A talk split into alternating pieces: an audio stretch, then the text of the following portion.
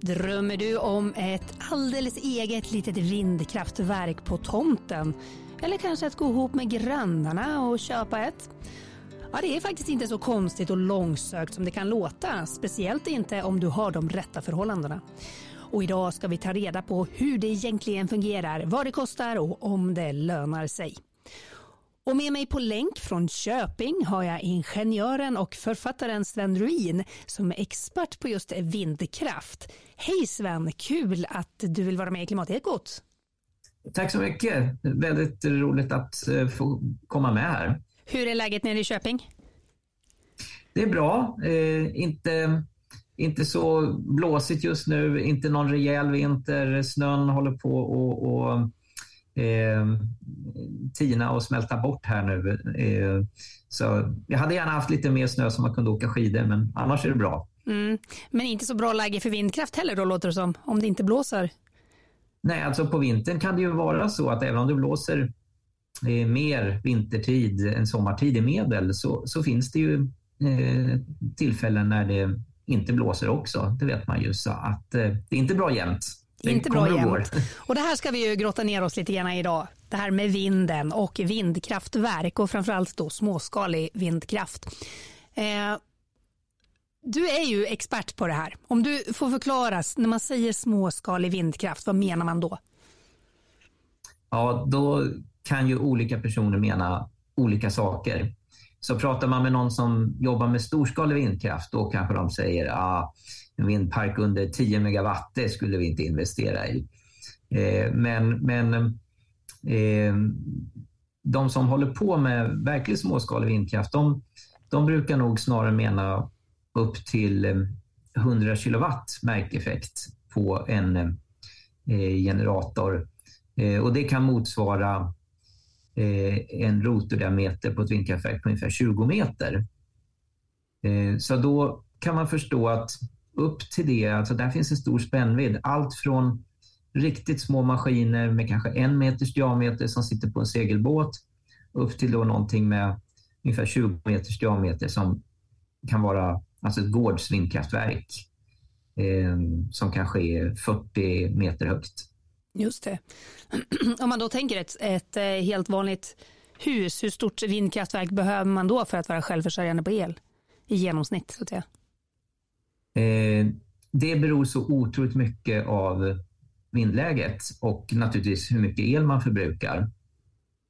Men eh, eh, i något fall kanske vi då skulle prata om ungefär 10 meters rotdiameter.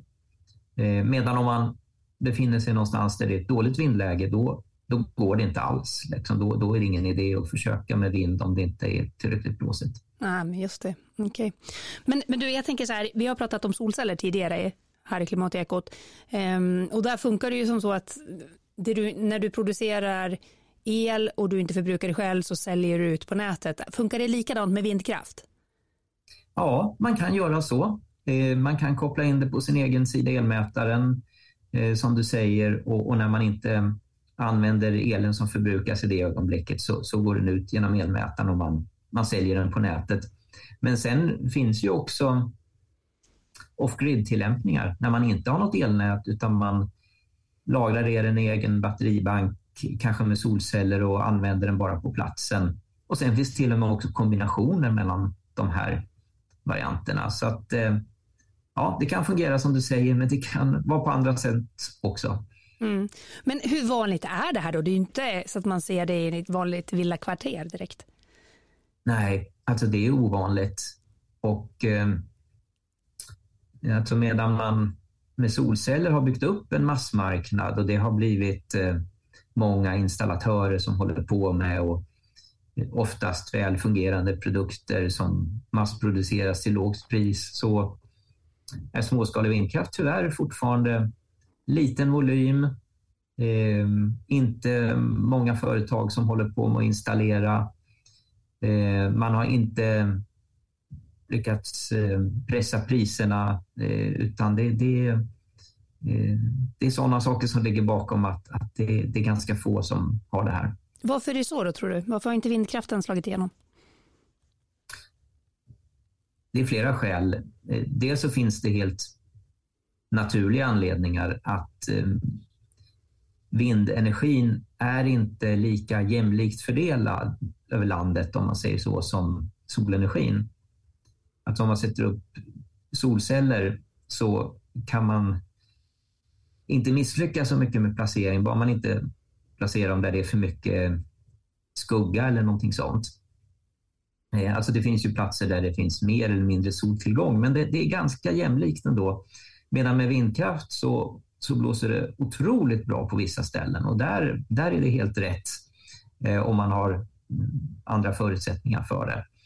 Eh, och sen så finns det andra platser där det blåser mindre och sen finns det de där det nästan inte blåser alls. I, inte alltså den graden så att det räcker för ett vindkraftverk. Man kan uppleva kanske att oh, här jag bor, här känns det blåsigt jämt. Men, men eh, medelvärdet kanske ändå inte är tillräckligt högt för att, att vindkraftverket ska ge ekonomi. Men hur ska man eh. veta då om man har rätt förutsättningar? Eh, man, tycker jag, ska börja titta på eh, en vindkarta som är gjord för vindkraft. Sen finns också andra sätt. Om det finns vindkraftverk i närheten och man kan få ut produktionsdata från dem så kan man eh, göra en jämförelse där. Det skulle ju vara idealiskt om, om grannen har ett vindkraftverk i liknande storlek som jag funderar på att sätta upp. Då, då kan man ju höra hur, hur stort är det vad producerar det och göra en jämförelse så. Men det, det är ju sällan fallet då.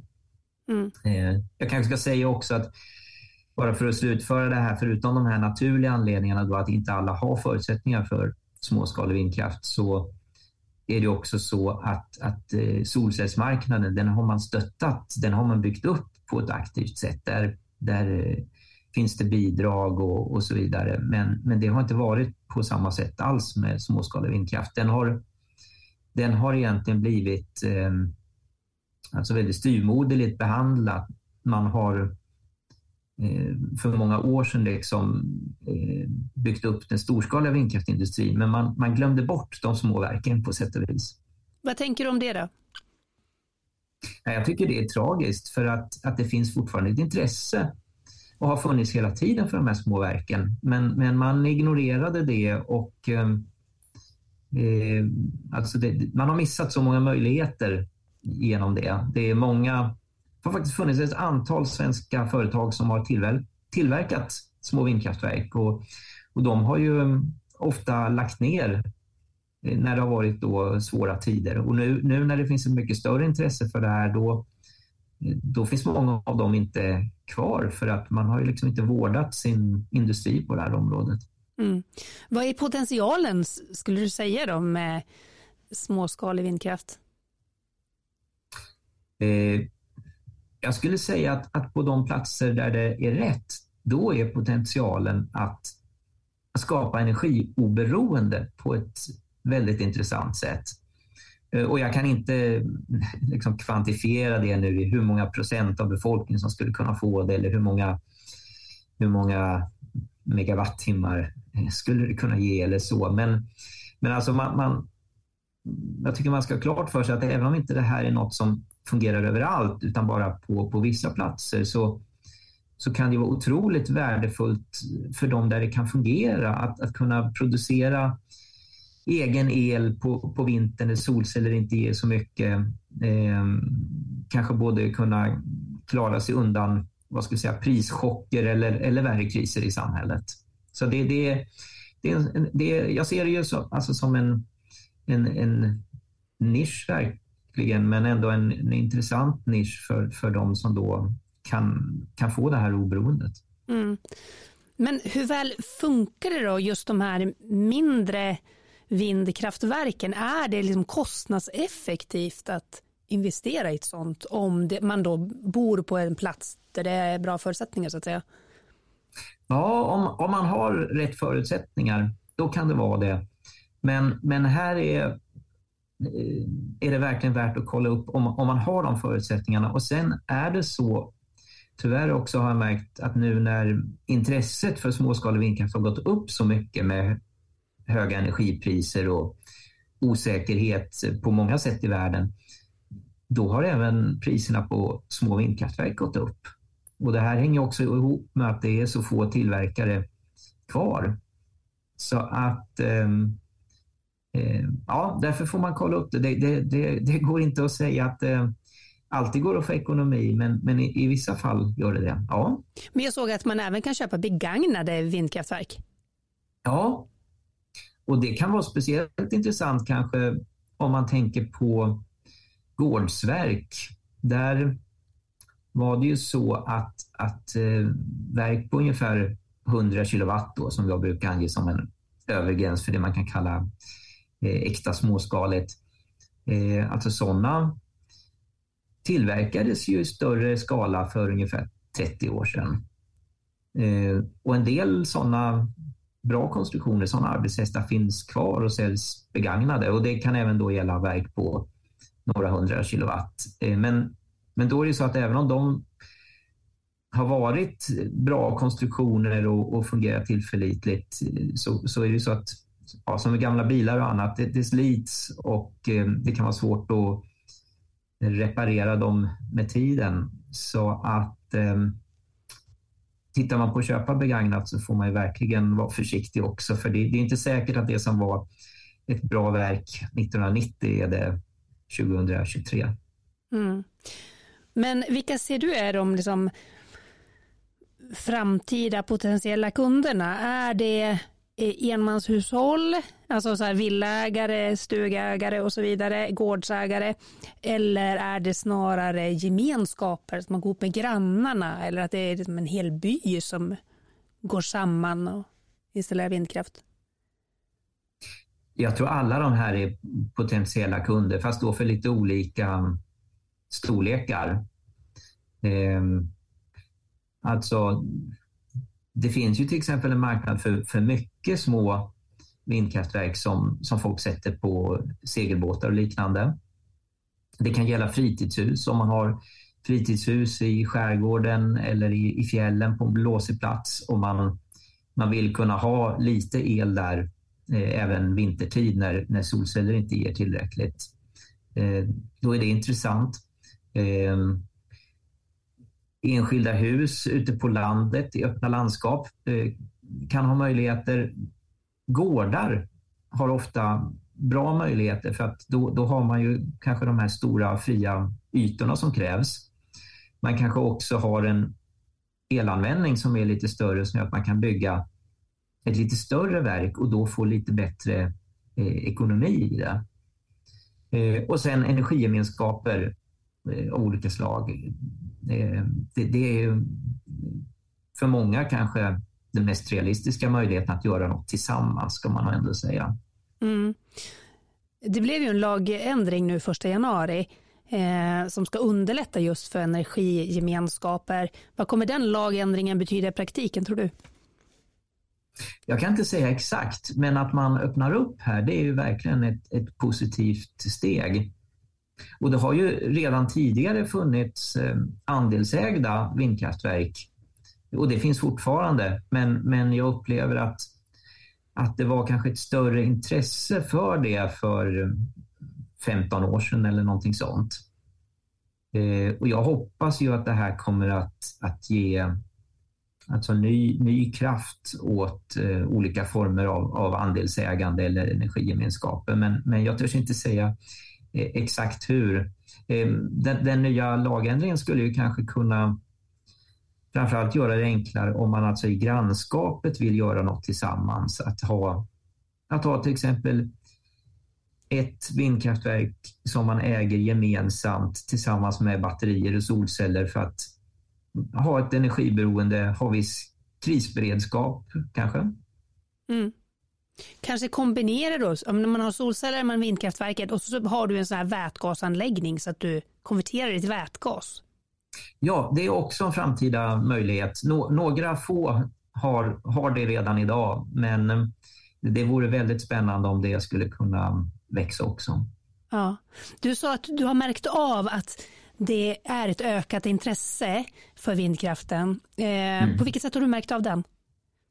Oj, jag har märkt det väldigt påtagligt för att um, jag har varit aktiv inom Svensk vindkraftförening i många år med småskalig vindkraft. Och eh, eh, där har jag då haft eh, en uppgift under flera år att, att eh, ge rådgivning för de som ringer in och vill veta mer om småskalig vindkraft. Och då har det varit så, alltså under många år när energipriserna var låga, att, att alltså man märkte att, att det blev färre och färre som ringde. Det, det, det blev ett, ett sakta minskande intresse skulle jag säga fram till eh, andra halvåret 2021. Då vände det. Då, då när energipriserna började gå upp, då, då började folk ringa. Så att eh, jag har ju periodvis varit lite nedringd faktiskt av, av människor som frågar om det här. Och eh, eh det, det, verkar vara väldigt starkt kopplat till eh, elpris, men möjligen också till, till eh, oro för vad som händer i världen. Mm. Eh, vad är det de undrar främst? Då? Vad är den vanligaste frågan du får?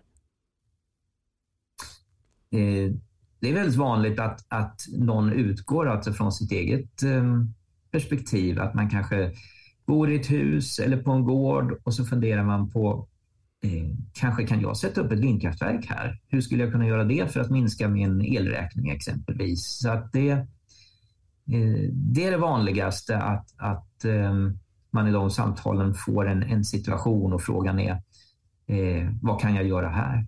Mm. Hur ofta känner du, ni förstår inte, hur du inte har någon exakt siffra, men ungefär hur ofta känner du att men det här vore ju en bra lösning, kör på det här, det här kommer ge bra ekonomin för dig på tio år? Oj, ja, det, det, är tyvärr då en minoritet av samtalen. Ja, det kan vara en fjärdedel, av, alltså bara eh, skjutet från höften ungefär. Eh, för tyvärr är det nog så att, att de flesta som hör av sig, när, när man då ställer lite kontrollfrågor så, så märker man att, att eh, för många så, så finns inte förutsättningarna. Det kan gälla att man inte har tillräckligt bra vindresurser, eller eh, att man riskerar att störa grannar, att man har grannhus nära eh, eller någonting annat. Eh, men, men ehm, man märker också att eh, en del har ju förutsättningar. Gårdar till exempel som eh, har fria ytor och ligger på vindrika platser. Det, det, det förekommer också. Så att, ja, jag önskar det vore fler Men, men ehm, de, de flesta som frågar, de inser nog ändå tyvärr att det inte riktigt eh, stämmer. Så min dröm här då om att komplettera solcellerna med ett litet eget vindkraftverk när jag bor i ett villaområde i centrala Umeå kanske inte kommer gå vägen då? Nej, tyvärr. Ehm, den, den, den typen av samtal har jag ofta fått och, och då har jag ehm, tyvärr fått, eh, vad ska vi säga, förmedla det att, att det, det, det, kommer nog inte att kunna fungera för att, att antagligen är både vindförhållandena för dåliga inne i ett villaområde och, och eh, man har för nära till grannar och, och annat som gör att även om det blåste bra så skulle det sannolikt inte vara så lämplig plats. Mm. Så att eh, i ett sådant läge då tror jag det är bättre att titta på vad kan man göra gemensamt, kanske andelsägande eh, om man just är intresserad av vindkraft. Mm. säg att jag då har en eh, sommarstuga ute på en av öarna utanför kusten. Ja, är då det läge är det ju ett eh, eh, helt annat läge. Alltså befinner man sig eh, på en ö i, i, i kustlandskapet, eh, allra helst naturligtvis där det är fritt hav kring och inte för mycket hög vegetation runt omkring, då, då kan man ju ha både fantastiska vindmöjligheter och, och ett ganska litet eh, energibehov att täcka kanske. Så då, då kan det vara mycket mer realistiskt. Spännande. Alltså, du, du, har ju, du har ju ett eget vindkraftverk. Ja, det stämmer. Ja, du måste berätta. Hur länge har du haft det här och hur då? Hur, varför, start, varför byggde du det här? Ungefär tio år har det stått här. Eh, det är ett litet vindkraftverk med en kilowatt märkeffekt, eh, 20 meters totalhöjd och 3 meters rotordiameter. Så det är det största man får bygga som är bygglovsfritt under vissa omständigheter i Sverige. Eh, att det kom hit från första början, det, det berodde ju på att jag jobbar med de här sakerna och ja, vi hade förfrågningar och ville, ville bygga det här själva innan vi, vi skulle sälja motsvarande lösningar till kunder. Mm. Och hur väl funkar det då? Du bor på en gård i, utanför Köping. Ja, och då är det ju så att här i inlandet eh, så är det alltså generellt sett inte så bra vindförhållanden. Eh, alltså Västmanland är ju ett av de mest eh, dåliga ställena på så vis kanske i, i, i Sverige för, för vindkraft. Eh, men just runt oss så finns det ganska stora öppna ytor. Eh, och eh, alltså här var ju inte målet då att göra någonting för att, att tjäna stora pengar, utan det var ett ganska litet verk eh, som från början sattes upp eh, alltså av andra anledningar. Men, men sen har det varit så att det som har blivit liksom mer en, en potentiell nytta med det här, det, det är ju att vi har det här eh, som en krisberedskap. Eh, även om jag då fortfarande har nytta av det för att prova ut saker för arbetet och så här. Eh, så skulle det vara så att, att vi inte får någon el från elnätet, då är det här gjort med en kombination med batterier och solceller och en växelriktare så att vi kan få lite el åtminstone. Eh, så att vi skulle kunna klara de viktigaste sakerna. Eh, och det, alltså det producerade tillräckligt för, för att um, funka som, som en krisberedskap. Ja, men just det. Hur mycket producerar du då per år? Här kan man få ut mellan 500 och 1000 kilowattimmar per år från den här storleken på kraftverk. Och, och det, det skulle ju då kunna vara lagom egentligen kanske för eh, ett fritidshus. Ehm, så det är ju mycket mindre än vad vi förbrukar här. Alltså folk frågar ibland, eh, jaha, är ni självförsörjande på el nu? Och då är det tyvärr så att ehm, det är det här kraftverket alldeles för litet för. Eh, alltså bostadshuset med en elbil, här förbrukar vi ungefär 20 000 kilowattimmar per år.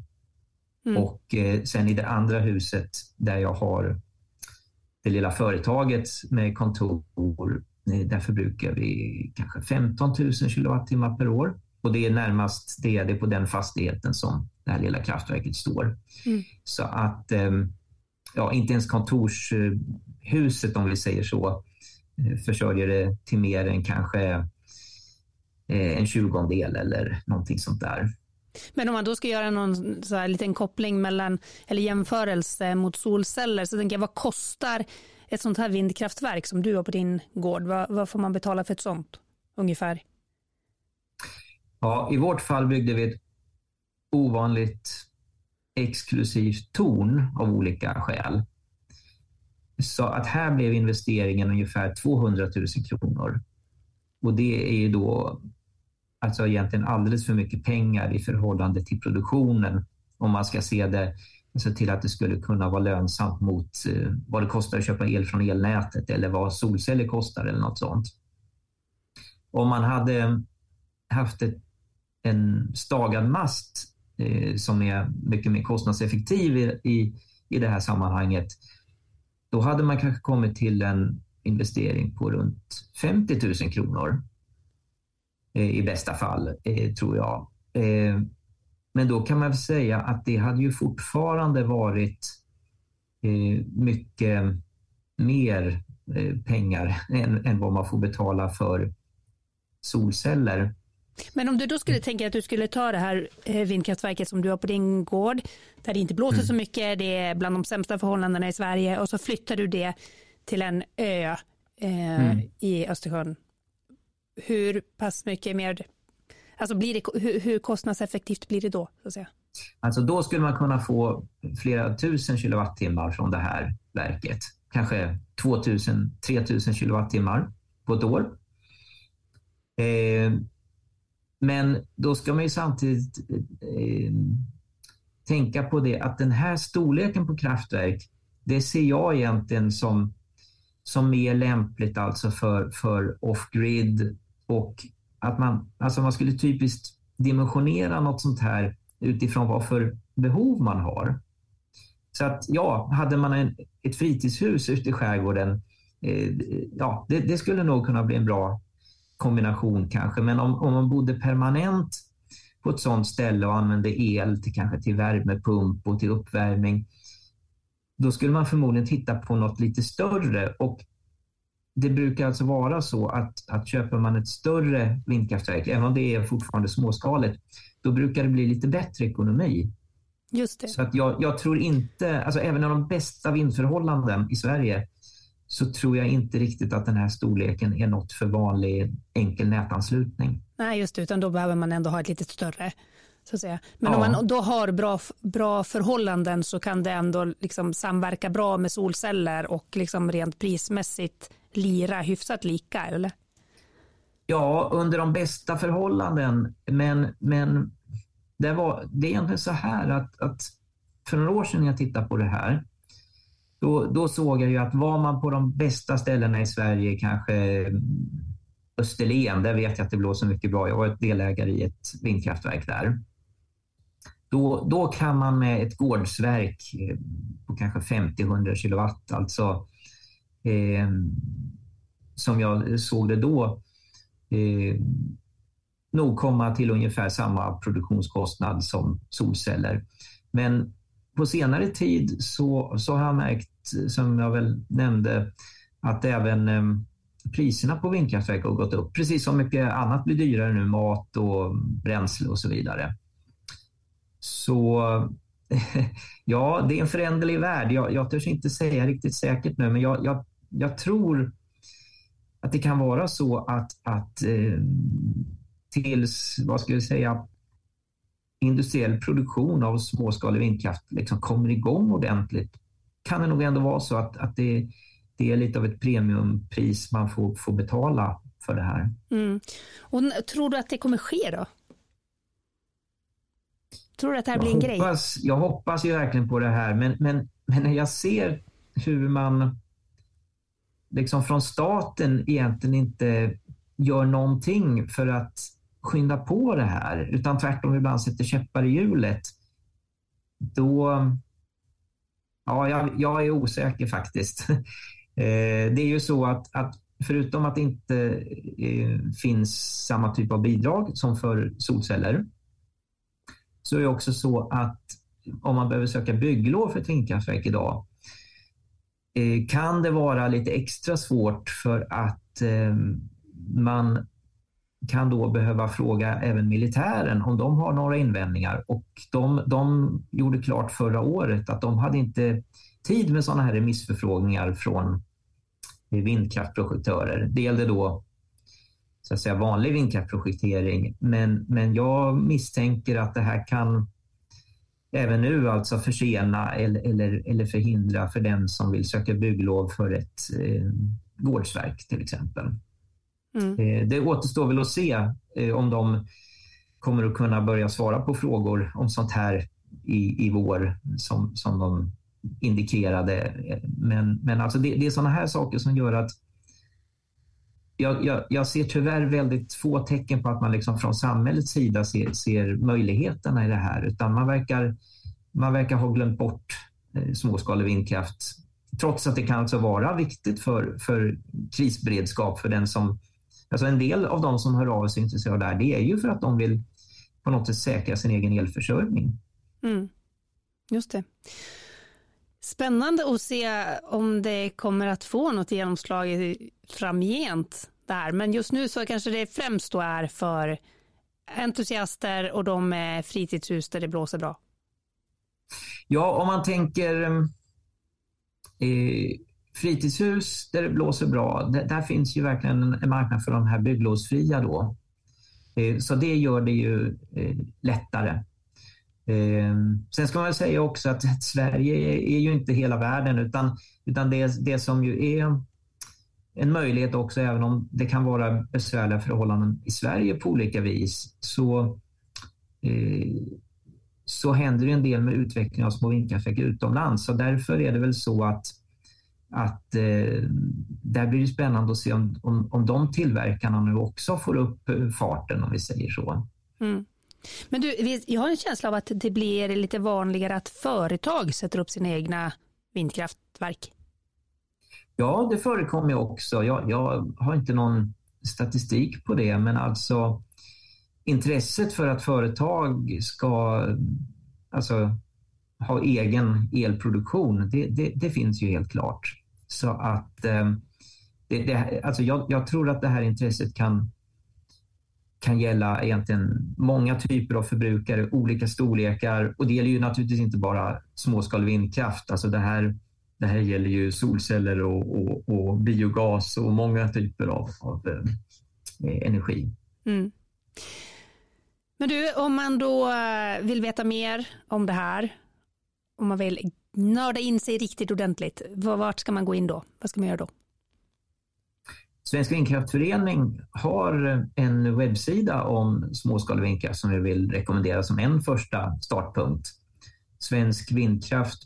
com går man in på, com alltså på slutet. Där kan man börja läsa sig till mycket grundfakta. Där finns länkar till eh, vindkartor man kan använda eh, och mycket annat sånt matnyttigt. Det finns också några filmer som vi spelade in för några år sedan som berättar lite. Bland annat är det så att jag fick möjlighet i samband med den inspelningen att åka ut till eh, Stockholms skärgård och där finns ju öar som fortfarande inte har elnät. Eh, man har inga planer på att dra ut elnät heller. Folk är är nöjda där ute faktiskt att, att klara sig själva med bland annat eh, sol och vindkraft och batterier. Mm. Hör du Sven, stort tack för att du var med i Klimatekot. Ja, tack själv och lycka till till alla där som funderar på småskalig vind. Och det här, det är alltså podden för dig som vill känna lite mer klimatpepp och bli inspirerad till ett mer hållbart liv. Jag heter Elin Leijonberg och podden görs tillsammans med Energi och klimatrådgivningen på Umeå kommun. Tack för att du har lyssnat.